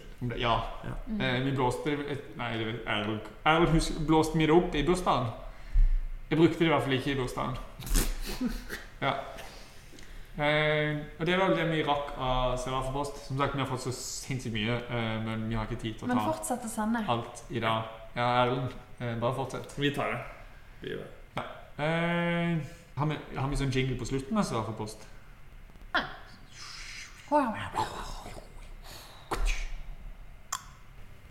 Ja, og da er det jo hva har skjedd i Kirke-Norge siden sist. Eh, det pleier jo ikke å skje så mye på sommeren, sånn som det ikke pleier å skje i resten av det offentlige ordskiftet. Men det har faktisk eh, skjedd et og annet. Ivar Braut, biskop i Stavanger, som ikke har vært der så veldig lenge, han slutter fordi det er noe galt med øynene sitt, så han har operert ut øyet. Ja. Skulle ikke du ha en vits på det, Mor Jakob? Var det ikke noen vits klar? Jeg tørte ikke. Nei, det var bare det at, eh, at det blir litt vanskelig å holde oppsyn med prestene. Vanskelig å oppsyn, men eh, på ordentlig god bedring, Ivar Braut. Ja. Eh, og han trer jo tilbake igjen i uh, prestetjeneste. Og det syns vi er bra, så vi trenger jo uh, prester. Men uh, god vits. Det gjør litt vondt. Men det er litt Ja. gøy òg. Ja, men jeg tror Ivar Borg skjønner at vi ønsker en god bedring på Ja. ordentlig. At det er vennlig meint når vi tuller. Håper han ser fram mot den nye tjenesten. Ja, Vi håper det blir veldig fint for det. Eh, Tensing har eh, fylt eh, 50 år, og det har blitt markert på Spekterfestivalen. Eh, og det ryktes at det var tendenser til frelsesinnbydelse på markeringa av dette. Eh, fordi det var grunnleggeren av Tensing er han som starta opp. jeg vet ikke helt som eh, hadde noen ord der, og det var visst eh, litt mer karismatisk enn det KFK-KFM Men vanligvis er vant og KFM er jo en økumenisk organisasjon, så Så du mener at er Det er veldig åpne for karismatikk, og dette er helt topp? man burde i hvert fall eh, slippe det til. Hallion er velkommen i KFKFM. Spennende. Ja, det var spennende opplysninger. Mm. Jepp. Eh, og så skal vi si noe om OD-dagen. Jeg var ikke så kjent med dette her, men vi har en KFK-KFM-er med oss, så hun vet mer om OD-dagen. Ja, eh, vi kan jo bare opplyse om at eh, OD-dagen, prosjektet i år, det tilhører KFK-KFM Global og eh, går til eh, palestinsk ungdom. Og det får det til å rykke i eh, Kristen-Norge. Eh, fordi at eh, Ja. Og med Kristen-Norge så snakker vi MIF! MIF er, jo, men er det liksom Kristen-Norge, egentlig? Ja, altså, Vi nå, har nå er vi inne på forkortelse igjen. Altså OD-dagen Med Operasjon Israel Dagsverk, som er det videregående som Er det ikke? Jo, men- Videregående som går ja. og gjør noe fint, og så gir man penger til noe fint. Ja. Et prosjekt som, eh, som handler om at eh, norsk ungdom eh, gjør, eh, setter av en dag i arbeid for eh, ungdom andre, steder, andre steder i verden som eh, sliter. Ja, og da blir Ja. MIF sur og MIF. Det er med Israel for fred. MIF! Eh, de, det er det trøkk Det er en bra forkortelse. forkortelsen. Det jeg vet ikke hva man skal si om det. Det er noe av det grumseste du kommer opp i Kristen-Norge. Det gode i kommentarfelt. På, altså ikke i innhold, men i, i eh, initiativ og deltakelse. Um, Ja, så, men eh, jeg som KFK-KFM-er håper jo at eh, alle tar imot eh, OD-dagen-bollene og det som er. Den 1. november er det vel. Og ikke slenge drit til de stakkarsene, stakkarsene faktisk. Jeg anbefaler det jeg gjorde på OD-dagen. Bare bare betale. Ja. Betalt fridag. Det er digg, det òg. Jeg har aldri vært med på OD-dagen, for jeg gikk jo på kristen privatskole, så hadde jeg sitt eget misjonsprosjekt. Mm. jeg vet ikke om jeg var med på det eller ikke. Nei. Men det er i hvert fall en eh, opplysning fra eh, Kristen-Norge. Så vi ønsker eh, eh, de som jobber med dette, masse lykke til. Ikke sant? Ja, vi syns jo at KFK KFM er en del av Kristen-Norge. Ja. uh, det mest uh, på en måte spennende som, eh, som skjer, det er krig. Ja. Det er krig som er mest eh, aktuelle for tida. Mm. Eh, ekstremt aktuelle akkurat nå, faktisk. For tidligere i dag så la Krik ut på sine sider at eh, daglig leder Erling Ekvold eh, har blitt enig med styret om at han slutter i jobben om tre dager. Eh, og det er jo da Nå er vi Det er vel omtrent to uker til Eller halvannen uke til generalforsamlinga Ja. til Krik. Og det vel i den forbindelse det antageligvis har, har kommet en enighet mellom Ekroll og styret om at han er ferdig som, som daglig leder. Eh, hva, hva, hva er saken her? Ja, vi kan jo ta litt fra begynnelsen. Vi har vel nevnt det når vi hadde om KRIK. Eller i en annen forbindelse senere. Men det med samboerskap, å være leder på KRIK-leir Ja, jeg har jo vært på, på kontoret til Erling Ekoll eh, fordi jeg syns det har vært så utydelig at man som eh, samboer, eller eh, hvis du er i et homofilt eh, forhold, så får du ikke lov til å være leder på leir på, på noe nivå i krig. Eh, veldig utydelig kommunisert utad, men eh, tydelig praktisert med at folk som er spurt om å være leder på leir, eh, kan få en oppfølgingstelefon. Du, er du samboer? Og så bare Ja, ok, men da kan ikke du være leder på leir. Eh, det, og det har sikkert skjedd med folk som er homofile. Og leder vil jo si at man er eh, instruktør på en idrett, eller har Altså at man lærer bort rumpeldunk eller badminton eller Så du trenger ikke stå på en scene og forkynne for å være leder i krig? Nei, altså Nei. det er ikke det det går ut på. Nei. Jeg har vært leder sjøl. Det er jo at du er, eh, er med på de aktivitetene som skjer. Da. Ja. Og gjerne det er det som Det er de folka de vil ha, som har kunnskap om de idrettene. Ja, det er jo ikke noe forsynelse eller andakt i de Ja, altså jeg, har- jeg, jeg var og snakka med han og på en måte oppfordra de til å være tydelige om det, i hvert fall selv om det er relativt kontroversielt standpunkt de har gått for. Men de har jo valgt å være en, ikke være en kirkepolitisk aktør og på en antageligvis mediestrategiske grunner skjønt at dette er dumt for oss å fronte. Eh, så har de på en måte gått ganske stille med dette her. Eh, ja. Så det, det, det er en del av foranledninga. Mm. Eh, og så har det vært en del snakk internt av, av, av krikkere liksom, som syns at dette her er et dårlig kriterium på hvem som kan være ledere på, på leir. Eh, og jeg vet ikke hva som, hva som starta, om det var noe tema på generalforsamling i fjor, eller om uh, hvor mye som er meldt inn til styret og, og ledelsen. Men i hvert fall så kom det et uh, lengre Facebook-innlegg hvor man kommenterer situasjonen nå om at det vil komme et forslag om å endre dette her. Jeg vet ikke om det gjelder samboerskap, men det gjelder i hvert fall at homofile ikke skal få lov til å være Mm. leder på leir. At det kom forslag om det, at det skal behandles på neste generalforsamling. Og det kalles for et skjebnesvalg Av for krig.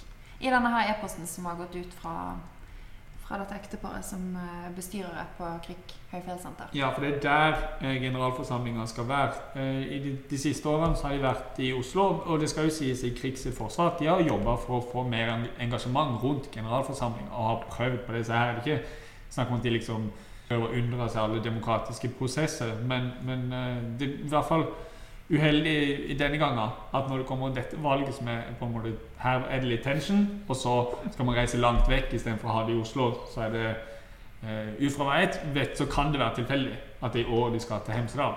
Uh, på det der Krik høyfjellsenter. Mm. Men uh, ja, så det er en mail. Um, ja, Som er jo det mest sånn juicy i hele denne saken. Som Ja. man, eh, man legger ved har kopiert og lagt inn nederst i det Facebook-innlegget. Hvor det er bestyrerparet på Krik høyfjellssenter som eh, maner troppene til kamp. Ja, det er de som kaller dette et skjebnevalg. Ja. Um, og vil, og, nei, de ville i det stille altså De ville samle folk og på en måte sende denne mailen videre til folk som har trygt bibelsk grunnlag, eller eh, ja, folk skjønner på en måte hva det går i. Um, så nå har det jo Ja, det brygger seg opp mot, mot kamp Ja. på, på Herman om, om halvannen uke. Eh, Jeg vet ikke hvor mange som er påmeldt, og hvor mange som kommer til å gå der, og hva som kommer til å skje. Um, Mm. men det kommer til å bli en del dårlig stemning, tror jeg, uansett. Ja. Ja. Vi trenger ikke gå så veldig langt tilbake i tid for å finne f.eks. kirkevalg i, i Den norske kirke. eh, Der det ja, er jo dårlig stemning. U altså Uansett utfallet de gangene det ble tatt opp eh, i forhold til homofile eller likekjønnet vigsel. Så eh, ja, det er ting som berører folk, da. Så det, det, går på folk sine eh, følelser og og den slags løs. Eh, nå sier ikke jeg at eh, folk bruker følelser eh, og ikke fornuft til å stemme ved sånne saker. Det gjør jeg ikke. Men eh, ja, det berører, da. Og engasjerer. Men det er jo Jeg syns det er litt irriterende at man går i den skyttergravskrigen med en gang, da. For det er jo eh, Det er jo snakk om ja, Sånn som i den mailen så er det nok eh, Nå ryker hele organisasjonen. Det er Bibelen som grunnlag blir tatt vekk. Og er alt dette ja, Og så blir det sånn kamp, da. Som det føler det brygger opp til. Men at man ikke kan se den forskjellen av at være litt pragmatisk, da. Og se Betyr det at en eh, rumpeldunk-instruktør er homofil? Betyr det at hele organisasjonen ramler? Altså, det er jo, jeg tenker jo de kan ha den eh, teksten de har i Hvor er det? I vedtekten. Nei, det, det spiller regler for ledere. Jeg tror nesten det er det eneste stedet det står. Okay, det som er, eh, når jeg på en måte var på jakt etter det For først så hørte jeg liksom at KRIK praktiserer at eh, samboere og homofile får ikke lov til å være ledere. Og så tenkte jeg ok, jeg er KRIK-medlem. Eh, nå skal jeg prøve å finne ut dette her. Leide masse på nettet, finner ikke en dritt på dette her. Eh, og så viser det seg at det, det de på en måte begrunner det er noen eh, regler som noen forventninger til ledere Ja. som, eh, som styret har lagd, tror jeg. Eh, som er liksom eh, Ekteskap er Guds gode ordning for, for samliv. Eh, eller noe sånt. Og så det var det som sto når jeg var der. Ja. Eh, og det var jo etter at på en måte Den norske kirke har endra og på en måte fått inn liturgi for eh, vigsel av likekjønna. Eh, så da, på en måte, der skulle man jo tro at dette gjaldt faktisk at homofile skulle få lov til å være ledere. Eh, så da sa jo jeg til Erling Ekroll liksom at ja, men dette her virker jo som at eh, det er åpent for det. Men han sier liksom nei, det er ikke det som er intensjonen, og det er ikke det som har vært intensjonen, og det er ikke det som har vært eh, praksis, i hvert fall fra han var leder. Jeg snakka med han ganske tidlig når han ble leder, og i hvert fall rett før det. Så er det sånn det har vært. Så, så, så da oppdaterte de jo det. Altså, Guds ekteskap mellom mann og kvinne Ja. er Guds gode ordning. Eh, og det har de blitt anklagd for å endre i det stille. Ja. Det har egentlig vært hovedpunktet i det Facebook-innlegget. Var jo at de hadde endra på reglene bak generalforsamlingen sin rygg. Mm. Ja. Selv om det de egentlig har gjort, er å, å understreke en praksis som alltid har vært der. Ja, men det er jo litt spennende, fordi jeg alltid tror at den praksisen alltid har vært sånn, men nå var det en som uh, uttalte seg, som så jeg tror han jobba i Kirkens Nødhjelp nå, Ja. som sa at han i, i 2009 hadde lurer på når Dan hadde stått fram og fått lov til å være leder på KRIK, eh, Ja. selv om han var homofil. Han hadde men, vært ansatt i KRIK. eh, ja, men der vet jeg ikke om det sto om det var om han hadde vært sammen med noen eller ikke, for det, det er det jo en del som, som skiller på. Norsk lov, f.eks. Ja, som sagt, jeg er interessert i å vite hvor, Ja. hvor den loven er, at du på en måte kan diskriminere på om du er sammen eller ikke. Mm. Ja, for, for utgangspunktet ville jeg jo tro at det ikke var lov i det hele tatt, og selv om du er sammen med noen av samme kjønn, å diskriminere, men så tror jeg det er en sånn der religiøs unntak. Mm. På en måte, ja, tros... Eller menigheten har lov til å diskriminere faktisk på, av religiøs overbevisning, da. Mm. Eh, Ja, så jeg jeg tenker jo at den historien er jo snakke om en, en enkeltperson som tar en avgjørelse i et enkelt tilfelle. Med han, eh, Ja, ja. han som var i 2009. Også, ja. Eh, Også at den overordnede praksisen har vært At det er det man har lagt på, på andre. Da. Ja. eh, som har blitt en, eh, blitt en praksis. Jeg tror ikke det er sånn bråvending som har blitt innført Nei. i det skjulte. Og det er, for det er en veldig sånn eh, Det er en veldig folkelig organisasjon. Det er veldig veldig mange frivillige som gjør veldig mange store oppgaver Mm. frivillig. Og hvor mange ledere det er på det, det er mange. Eh, og det er også frivillige som ringer rundt og spør. Eh, ja, Og så kommer jo de, det kravet litt sånn Ja, som vi sier, det står ingen steder, da. Nei, det, tror- det er jo De som ringer rundt og spør, de er bare folk som oss, som bare liksom Hei, vil du sitte i komité i krig? Og så spør jeg ok, hvem er det du kjenner som eh, driver med rumpeldunk? Nei, jeg kjenner han, han og hun. Vi ringer de. Og så er du ikke, du, Det er ingen garanti for at du har fått vite at vi spør ikke folk som er samboere, vi spør ikke folk som er i homofile forhold. Nei. Um, ja, så det ja. Mye bingo der, da, i hvert fall. Ja. Og det jeg altså tenker er at Jeg syns jo Kvikk er en flott organisasjon. Jeg er medlem. Syns den til tider er teit, fordi det er så forbanna god stemning hele tiden. Men eh, Men det er jo veldig sånn viktig for å ha idrettsglede, et lavterskeltilbud. Det er jo en viktig misjonsorganisasjon. Det er veldig mange som jeg tenker har fått litt møte, litt annerledes møte med kirken og kristendommen gjennom krig. Mm. Ja. Fordi de er dritgode på det de gjør. da Jeg tenker De leirene og opplevelsene som de tilbyr, er det ingen Det får du ikke noe annet sted i Norge Enig. som er tilsvarende.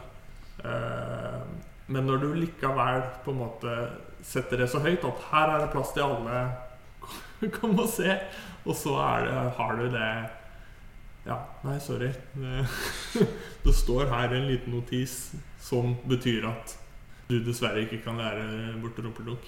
Liker veldig godt det, rumpeldunk, det, det er ganske brutalt. det er veldig brutalt. Og det gjør jo noe med hele kommunikasjonen til krig, da.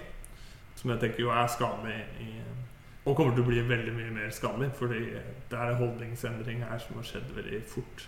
Eh, Ja, for det, En ting er på en måte det skjer i krig nå, men dette er jo en kamp som kommer til å gå igjen i så å si alle større organisasjoner. Fordi det er vanvittig holdningsendring generelt, i, ikke bare i Kristen-Norge, men i samfunnet. Eh, Holdninger overfor homofile eh, og skeive generelt, og, altså på hele den gruppa. Og ja, så disse kampene Dette er på Det har gått i Den norske kirke. Eh, Den er på mange måter ferdig. Og nå kan ikke frikirkeligheten gjemme seg lenger bak Den norske kirke. Mm. Og jeg tror opprøret kommer til å komme innenfra, sånn som de gjør nå i krig. I mange andre menigheter og organisasjoner. Fordi folk kommer ikke til å synes at dette her er, er greit. Og da kommer det til å bli stygt. Eh, så det blir spennende å se på en måte hvor lang tid tar det før de to prøverne kommer, og kommer de til å splitte seg?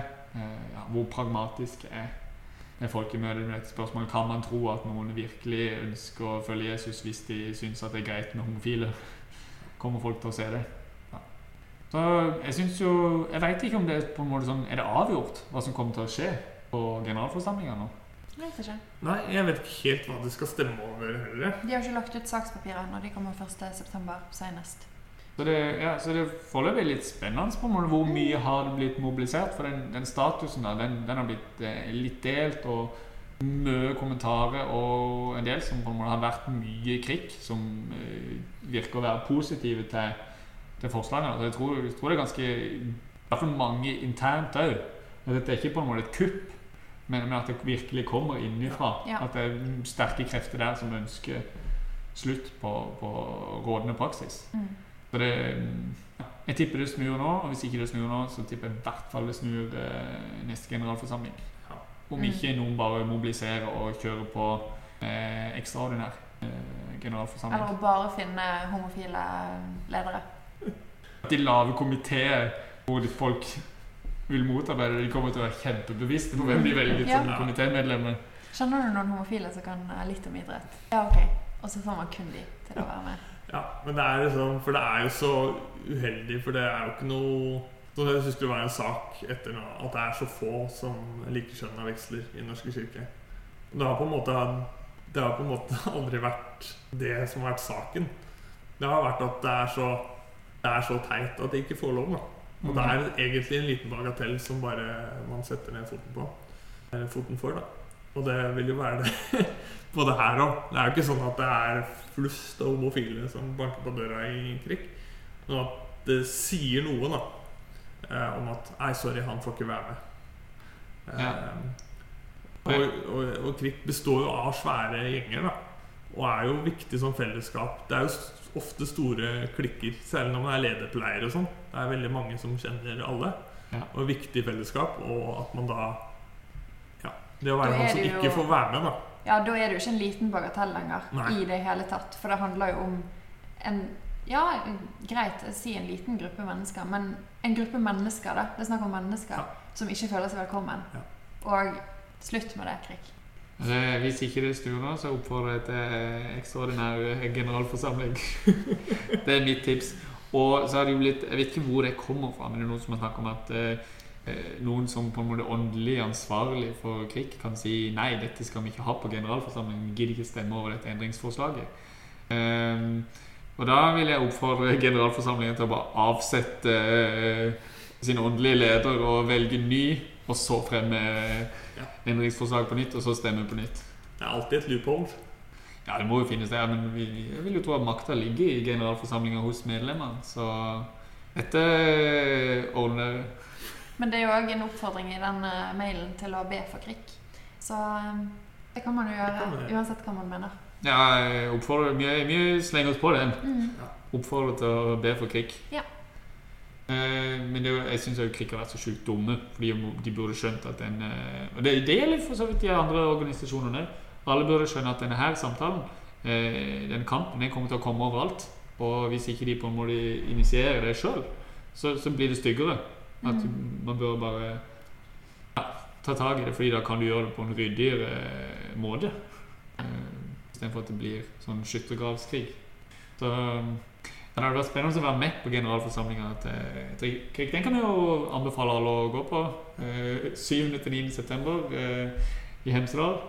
Bare gå på hjemmesiden til Krig, så finner dere ut det. Jeg planlagt masse bra program. Var det rett etter eh, general, selve generalforsamlinga, så er det quiz. Og helt sikkert god stemning der. Mm. Det blir GS hele helgen. Ja, for det er gøy, fordi på en måte, altså det står jo ikke noe Det kommer til å være en veldig spesiell generalforsamling for krig, men på en måte i programmet og hvordan alt legges opp, så, så tenker du jo på en måte at uh, alt er en vanlig Vi skal bare lage en leir. Ja, Men alle vet at dette her det er helt annerledes. Det kommer til å være to, to eh, på en måte grupper mot hverandre. Og det kommer til å være masse dårlig stemning der oppe, men man bare late som ingenting. For hva skal man gjøre? Skal man endre Facebook-arrangementet? Ja, her blir det Her kan det bli ampert. Nei, men det er jo fasade, da. Jeg syns litt, synes litt synd på de som har jobba Fordi før har generalforsamlingen vært Det har vært her på NF. Hvor de har hatt liksom en time forhandlinger, og så kanskje det har vært noen rebusløp og et møte på kvelden. Det har liksom vært det. Yeah. Og så har det ikke vært så oppslutning rundt det. Og så tenkte jeg nå skal vi lage det skikkelig koselig. Vi skal ha Hemsedal, vi skal ha aktiviteter, det skal bli skikkelig krikk. Det her blir bra. Woo! Toppstemning. Og så Nei. Det kan, det kan bli gøy. Jeg har lyst til å kjenne det på kroppen. Tror dere at noen kommer til å vifte rundt regnbueflagg og sånn? Hvis Nei. det Nei. Nei. Nei, jeg tror, jeg tror folk kommer til å være mer respektfulle enn det. Det er ikke så mange Mener du at det var respektløst? Det hadde jo vært det. Det hadde jo vært for å pisse på bestyrerparet. Absolutt i den situasjonen. Nei, Vi får jo håpe da at, eh, de, at begge sider ikke er så hypp på eh, dårlig stemning. Nei, jeg tror ikke det blir så mye slåsskamper. Eh, det tror jeg ikke. Det kan jeg bli. tror, Det kan bli. Jeg tror det kommer til å være eh, en del dårlig stemning der. Ja. Jeg tror. De kan jo bytte ut alle aktivitetene med sånn kampsport. Få ut aggresjon. Det hadde vært gøy hvis de lagde, alle, til en stor leir hvor det bare var konkurranse hele tida. Så delte du opp på en måte. Ja, Skal så du de stemme vant- for eller mot? Ja, Ja. og de som vant, de fikk sin uh, igjennom. Det er, det, sånn Farmen til V-kamp. Ja, Det hadde vært nice. Det hadde vært dritnice. kristen idrettskonkurranse med visjon Nei, ikke visjon. Med vedtekter i potten. Jeg tror egentlig det står bedre enn i KFK5. Det er litt stygt sagt. Er det ikke stygt sagt? Jo, det synes jeg er litt stygt sagt. Det har vært gøy. Vi snakka snakka tidligere eh, med, med ikke navngitt eh, KFK-KFM-er. Dette er ikke Frøken Krenka. Hvor, hvor, som ble overraska over på en måte hvordan prosessen med generalforsamlinga var i, i krig. Og jeg tror ikke krig sin på en måte greie at ikke det er så mange som engasjerer seg så mye på generalforsamlinga. Jeg tror ikke det er så vanlig, Nei. egentlig. Mens han var sjokka da, fordi eh, Hæ? Det er jo sånn vi gjør det på en måte i KFK og KFM, og der er man mye og jeg- Min fordom er at der er man mer som et politisk parti. Ja, der er det fett å være på eh, årsmøte Eller ja. Ja, altså det er, en- det er nerds, liksom. Ja. Men der læres vi òg opp i demokrati fra vi er liksom tolv år gamle. da. Så Så Så verdt det. verdt det. Makt. Mm. Mm. Men eh, de, ja, jeg skal ikke si at de har mer Den hellige ånd i krig, men vi eh, Du sa jo at dere var åpne for Ja, den vi er åpne for det. eh, Og vi påkaller eh, i voksende grad, håper jeg, Ånd i eh, Ekstremt vagt politisk spinn. Ja. I voksende grad Ja. håper vi at vi påkaller Den hellige ånd. ber dere for eh, Om vi er en bevegelse preget av bønn. Nei. Om dere ber i det hele tatt? Dere åpner møtet med å be. Vi kaller ikke det møte engang. Eh, jo, det, Det men vi kan jo kanskje ha en ekstra Eller en ny episode om KFK5 snart. Ja. Hvis, Ja. hvis vi orker, da. Det ble jo veldig mye pes forrige gang. Det er bare å ikke invitere samme person, så det er løst. Jeg syns det var gøy når du var her på Jørns. Ja, jeg syns det var artig. Min del er velkommen tilbake. Jeg Men jeg skal ikke si at eh, KFK og KFM-ere ikke er kristne igjen. Nei. Oh. Men eh, jo, vi ber. Ja. Om vi ber. Men vi ber mest inni oss. Nei, oh, nei, vi, er, ja, vi må vi må ha en episode ja, Har vi noe mer å si om uh, krig og, og generalforsamling? Jeg er spent på hva som skjer. Mm, enig. Ja, vi tar det jo når det kommer. Så vi kommer til å kommentere det i neste sending. Ja. Vi Ja. kommer ikke til å ha en sending. Og så kan du følge det på bak betalingsmur i dagen og vårt land. Ja. Og så kan jo folk prøve Folk som skal på generalforsamlinga, kan godt ha livesendinger. Det hadde vært dødsnice med en livesending fra generalforsamlinga. Mm. Eh, så hvis noen kunne ordne det Ja takk. Men det går jo an å gjøre på ordentlig. Vi kunne vært der og hatt sånn Så vi kommenterer. liksom hva som skjer. Og oh, nei. Det var helt rått. Jeg hadde ikke kunnet sett noen i øynene etterpå.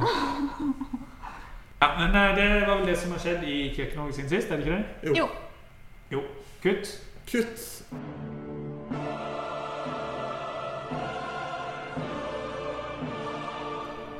Denne går til deg som har prydet Instagram-feeden min i store deler av sommerhalvåret i fjor, og som søren meg òg gjorde et knallsterkt comeback òg i år.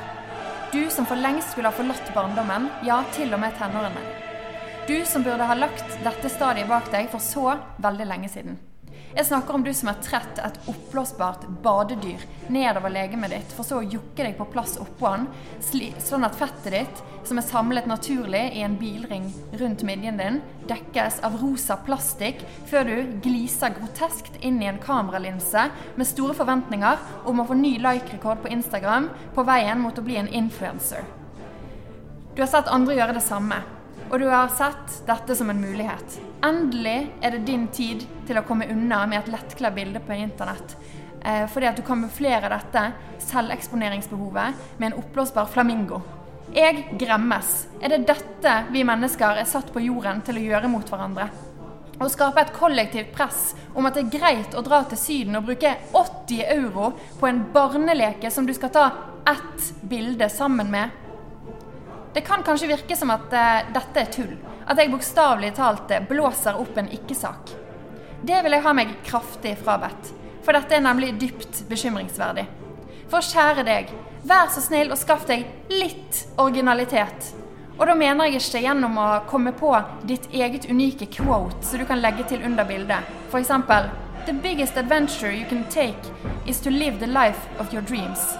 Let's go lost in paradise. Eller Let's flamingo.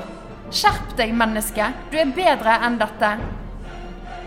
Du er òg bedre enn å være det 30 000 eksempelet på et individ som på sykkel eller løpetur har på deg raske shades, og som må legge ut en vits om hvem som er raskest, du eller brillene, på sosiale medier. Skjerp deg, skaff deg litt originalitet for svingene. Og til dere som trekker på skuldrene og sier at ja ja, folk får gjøre som de vil. Dette er ikke det de vil. Dette er et uttrykk for en kultur der alle desperat ønsker å bli sett og likt. Så mye at de opererer seg så heftig at de snart ser ut som en oppblåsbar flamingo. Hvis du er en av disse som noen gang har gitt en like til sånne bilder, skam deg! For det er du som opprettholder dette umenneskelige presset. Presset etter å posere på Instagram trøkket ned i en fuckings flamingo. Er dette noe du ønsker å ha på samvittigheten den dagen dommens bølge skal skylle over oss alle?